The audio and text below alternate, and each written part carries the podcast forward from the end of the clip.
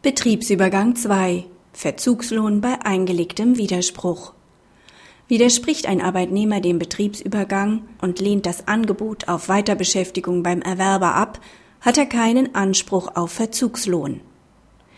Der kirchliche Dienstgeber betreibt ein Krankenhaus, in dem der Dienstnehmer als leitender Arzt tätig ist. Auf das Dienstverhältnis finden die Richtlinien für Arbeitsverträge in den Einrichtungen des Deutschen Caritasverbands Anwendung. Der Dienstgeber unterrichtet den Dienstnehmer über den Übergang des Betriebs auf eine Tochtergesellschaft. Dieser widerspricht jedoch dem Betriebsübergang. Das Angebot des Dienstgebers, ihn für die Dauer von sechs Monaten bei der Tochtergesellschaft ohne Dienstgeberwechsel zu identischen Bedingungen weiter zu beschäftigen, lehnt er ab und erbringt nach dem Betriebsübergang keine Arbeitsleistung mehr. Daraufhin kündigt ein vom satzungsgemäß zuständigen Gremium bevollmächtigtes Vorstandsmitglied das Dienstverhältnis betriebsbedingt. Der Dienstnehmer weist die Kündigung wegen fehlenden Nachweises der Vertretungsmacht zurück. Vor dem Arbeitsgericht macht er die Unwirksamkeit der Kündigung und Annahmeverzugslohn geltend. Die Klage bleibt in allen Instanzen erfolglos.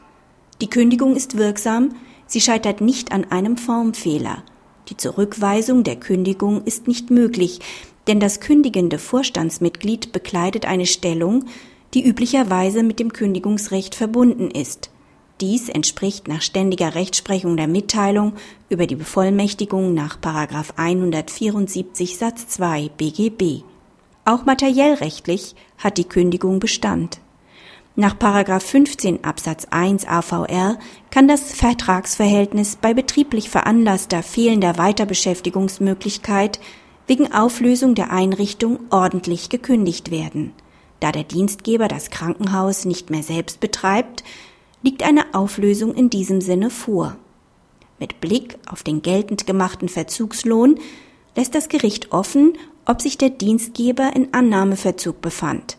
Da dem Dienstnehmer die Weiterbeschäftigung zu unveränderten Bedingungen beim Erwerber zumutbar war, muss er sich diese mögliche Vergütung nach 615 Satz 2 Alternative 3 BGB anrechnen lassen. Praxishinweis. Widerspricht der Arbeitnehmer einem Betriebsübergang, muss der Arbeitgeber während der Kündigungsfrist den vereinbarten Lohn zahlen. Kann der Arbeitnehmer aber zu unveränderten Bedingungen auf seinem alten Arbeitsplatz beim Betriebserwerber beschäftigt werden, ist ihm diese Tätigkeit zumutbar. Der Arbeitgeber sollte dann in Abstimmung mit dem Erwerber diese Beschäftigung anbieten, um so das Risiko des Verzugslohns zu minimieren